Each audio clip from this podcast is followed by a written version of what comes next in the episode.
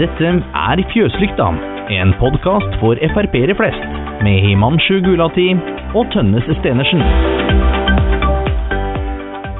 I disse koronatider må vi finne litt nye måter å lage podkasten vår på. og Du er ute av eh, karantene, Himanshu. Absolutt. Nå er jeg endelig i gang på Stortinget igjen. Vi har med oss uh, vår uh, ble vel i denne omgang siste justisminister, Gøran Kalmyr, som overtok etter en rekke justisministre på Stortinget for Frp. Hvordan har det vært uh, tida etter at vi gikk ut av regjering, Gøran? Nei, Det har jo vært veldig spesiell, spesielt på disse koronatidene. Men vi dro jo til USA, da. Jeg fikk jo med meg det, en 14 dagers tur. Eller en uke, Litt over en ukes tur var det jo. Men det endte jo med at det var 14 dagers karantene vi kom tilbake. da. Eh, lite visste vi jo da om at alle som har vært utdannet skulle settes i karantene. Men uh, ut ifra det så har det jo vært uh, ganske tøft med hva skal man si, fire unger hjemme. To av dem i barnehagealder og to som skal ha hjemmeskole. Og kona som skal ha hjemmekontor. Det, ja. Og ikke noe Premier League-fotball på TV. Og ikke får lov til å dra på hytta. Det, ja, jeg har hatt bedre tider. Gøran, du kom jo inn på et eh, ord nå, hytte. Og Du har jo vært eh, veldig tydelig på om hytteforbudet, og at det kanskje ikke holder juridisk vann. Kan du utdype litt hva du tenker der? Ja, først og jeg å bare understreke at For min egen del, jeg har hytte i Øyer kommune som har ekstremt mange flere hytter enn innbyggere. Sånn at når vi fikk meldinger fra kommunen der om at de ønsket at vi dro hjem, så skjønte alle sammen det, og så dro man hjem. Eh, så det er ikke det det handler om. Men det det handler om, det er det at skal staten ha en hjemmelsgrunnlag for å si at ingen skal få lov til å dra på hyttene sine i en annen kommune, ja, så må det være veldig godt begrunnet. For det er noe med proporsjonalitetsprinsippet, som vi kaller det for i justens verden. Og Dette her nå er et ekstremt innskrenkende eh, tiltak. Det er altså slik at Folk får ikke lov til å bruke eiendommen sin dette er jo noe som er nedfelt i både grunnlov og menneskerettigheter. at dette her nå, Man må ha hjemmel i lov for å kunne pålegge folk å ikke kunne gjøre det. Eh, og Her mener jeg at hjemmen er god nok uh, tilstrekkelig. fordi Det finnes mange eksempler på folk som faktisk må kjøre forbi hytta for å komme seg til lokale legekontoret. Og Da blir jo hele regelen på en måte vanskelig å forstå, og den rammer altfor bredt. Eh, da kan man heller gjort det sånn at de store skisentrene de sier at vet du hva, her kan du ikke komme. Det hadde kommunene fullt ut hjemmel til å gjøre sjøl. Man trengte ikke lage en nasjonal regel. for at de kommunene som ikke hadde tenkt å innføre den lokale regelen, det, det er jo egentlig bare små, altså små hyttekommuner. Sånn som min egen hjemkommune, Hustadvika, som har veldig få hytter i forhold til innbyggertall der eh, folk som har flytta ut fra kommunen og bor i nabokommunen, gjerne kommer tilbake i helgene for å være sammen med familien sin. Og det er jo ikke de som skaper ubalanse i helsevesenet. Men, Men Gjøran, Gjøran, eh, de som eh, det man er bekymret for, er jo da at man åpner opp i Hemsedal og andre steder med afterski og folk som faller på ski inn i fjellet, eller som på andre måter blir skadet når eh, Røde Kors og andre er opptatt kanskje med andre ting eh, pga. koronasituasjonen. Uh, har du ikke forståelse for det? Ja, men som jeg nettopp sa, det at jeg har forståelse for det. For at I den kommunen som vi er, som er huset Hafjell, eh, der forsto alle det. Alle reiste jo igjen. Det var jo nesten ikke folk igjen på fjellet når regjeringa kom med dette hytteforbudet. Det var kanskje én kommune det var noen få hyttegjester i. Eh, så det var jo uforholdsmessig allerede på det tidspunktet man innførte det. For da var det ikke lenger et problem. Eh, og så har man jo fullt ut hjemme for å stenge både afterski, eh, skjenkesteder og absolutt alt som er nå. Eh, ski, eh, også alpinanlegg og sånne ting. her. Og da, med en gang man gjør det, så er jo uh, utfarten allerede begrensa sterkt. Eh, men det, det, første problemet det er jo det at dette gjelder jo alle, også dem som ikke skal på sånne type steder der det er stor trengsel. Altså, for der er jeg enig i det. Man kan ikke dra på hytta. Alle som vil til Hafjell, kan ikke dra til Hafjell. Det går ikke. Eh, fordi at man er i en situasjon man er i. Men det er ikke det det handler om. Det det handler om, det er at dette her nå er et tiltak som gjelder absolutt alle. Og det er det ikke hjemmelsgrunnlag for. Eh, og det blir et problem. For her er det ikke bare snakk om det at det, det er på en måte, det er jo også en straffbar handling er blitt, det å dra på hytta. Og skal man straffe innbyggerne våre for å gjøre noe, så må man ha eh, noe som vi kaller altså det følger legalitetsprinsippet. Da må det være hjemmel i loven til å gjøre det. Og når ikke proporsjonaliteten er til stede, da er det ikke lenger hjemmel i loven. Og Det er jo litt rart da, at vi nå bor i et land der Riksadvokaten skriver at politiet ikke skal prioritere å straffeforfølge eh folk som tar narkotika, men vi skal straffeforfølge folk som overnatter på hytta. Altså, eh, Hva har skjedd eh, ut de 14 dagene her nå, der det er blitt straffbart å være på hytta, men ikke på narkotika? Så det du sier, Gøran, er at det hytteforbudet regjeringen har innført, i verste konsekvens kan være ulovlig og også i strid med Grunnloven. Tror du dette kan få noen etter, eh, etterpåfølger når denne krisen er over? Ja, nå er det jo slik at Heldigvis har jo de aller fleste hyttefolka faktisk fulgt oppfordringa ikke dra på hytta. Eh, og Jeg har ikke hørt om eh, noen som har faktisk fått bot, eh, så langt jeg kjenner til. Det tror jeg nok media hadde skrevet om også. Men jeg er ganske sikker på at hadde den rette vedkommende fått bot, så hadde han prøvd den bota i rettssystemet. Og da hadde vi jo faktisk fått svaret på om dette var et lovlig tiltak eller ikke. Men selv om vi er i krisetider nå, så var det en annen sak som tok mye av dagsordenen eh, noen dager siden. Og det var at mulla Krekar endelig er ute av landet. Du har jo vært justisminister, jobbet med denne saken over lengre tid. Kan du si litt om hvordan det føles, og, og litt hva du gjorde for å bidra til at dette nå ble en realitet? Ja, altså Den saken jeg jobber med, det handler jo om å sende mulla Krekar ut av landet pga. at den er utvist. Eh, og Det er to forskjellige spor her nå. Det sporet som han nå ble sendt ut av landet på, det var jo det vi kaller for et utleveringsspor at han er under etterforskning eller tiltale i et annet land. Og Da har man jo egentlig bare fulgt det vanlige utleveringsreglementet som uh, gjelder i Norge, uh, for alle andre utlendinger også. Uh, det at man blir sendt tilbake, sendt til det andre landet. Men så klart det at det er jo ikke noe som norske myndigheter kan kontrollere hvorvidt et annet land ønsker å få en utlending utlevert til seg, for det beror jo på forhold internt i det landet.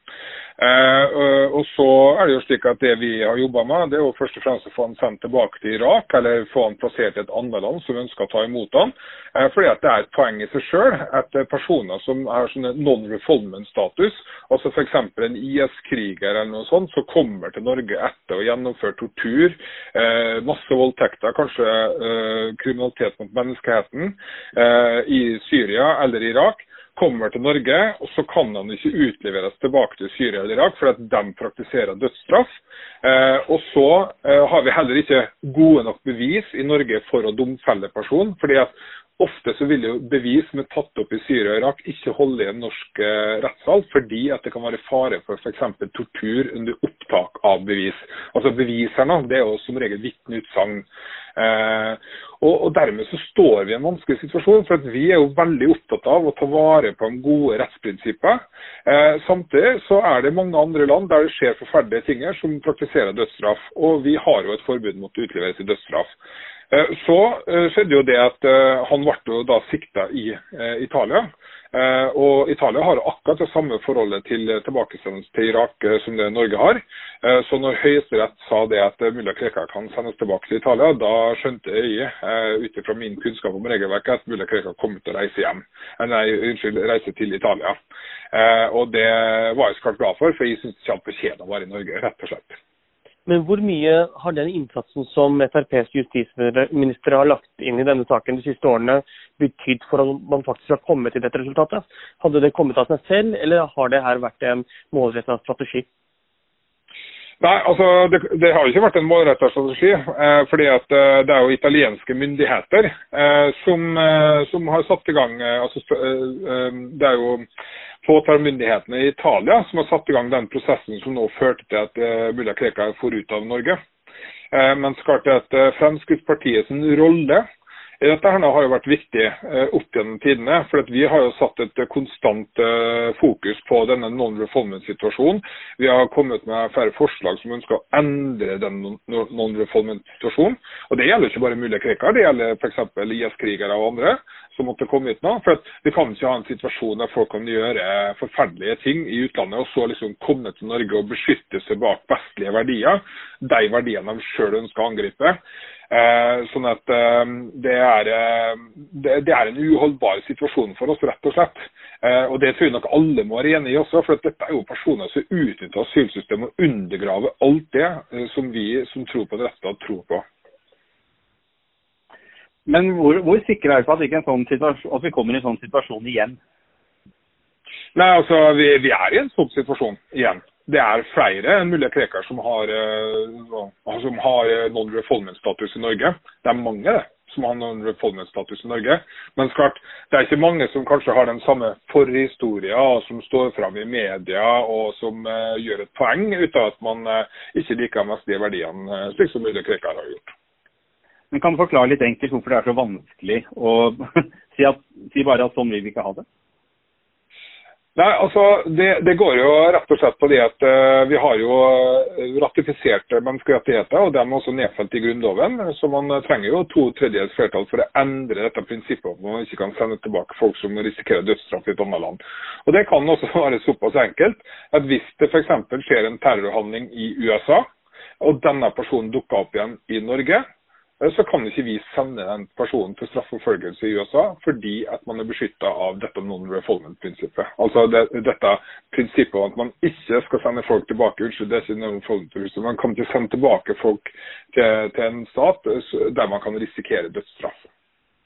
Vi kan jo i alle nå feire at mulla Krekar endelig er ute. og Både Sylvi Listhaug og du eh, skjærte jo også kake på Stortinget, noe jeg tror alle Frp-ere stilte seg, seg, bak. Eh, men det som uten tvil tar all oppmerksomhet nå, Gøran, det er jo denne krisen. Og vi har nå en helsekrise som begynte noen uker siden. Og nå er det jo også gått opp i en ganske dyp og alvorlig krise for norsk økonomi og norske bedrifter.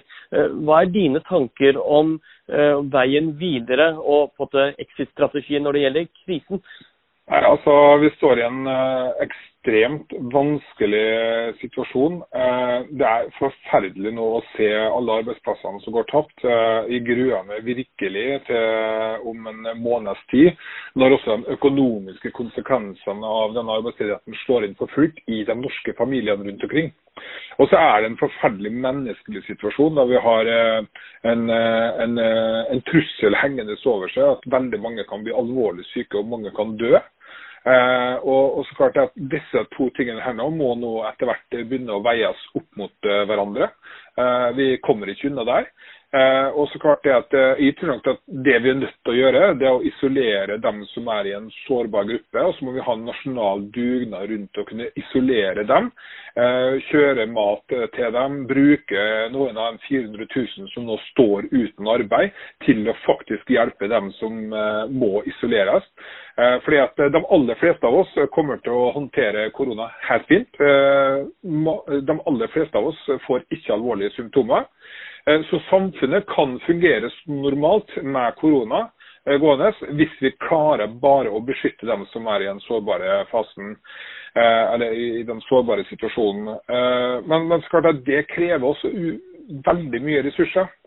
Men i den situasjonen vi er i nå, så tror jeg det er faktisk krever mindre ressurser enn at vi skal ha en masse ledighet. For det vil også føre fører med seg veldig mange andre problemer. Dårligere helse er jo ikke minst en av de tingene som kjennetegnes når et, eh, et samfunn blir fattigere. Eh, og, og, det er mange menneskelige tragedier som kommer til å utspille seg i tida fremover. Eh, Pga. Eh, at folk har mista jobben sin mista inntekten. Og Vi er nødt til å gjøre dette raskt. Fordi at eh, Hvis det nå går for lang tid og folk står uten inntekt, de kan ikke kjøpe noe, og plutselig så greier de ikke å holde lånene sine. Og så er det ingen som kan kjøpe boligen, eh, og da begynner det å rakne. Og da begynner det å gå utover soliditeten til bankene også. Eh, og da kan vi få en fullstendig krise i Norge. Eh, så, så jeg tror nok vi er nødt til å åpne opp igjen samfunnet. Men, men, så klart det at vi ser også i Sverige, der man har hatt litt mer åpne samfunn, at det er jo forferdelige scener som blir utspilt der. Man har veldig mange døde.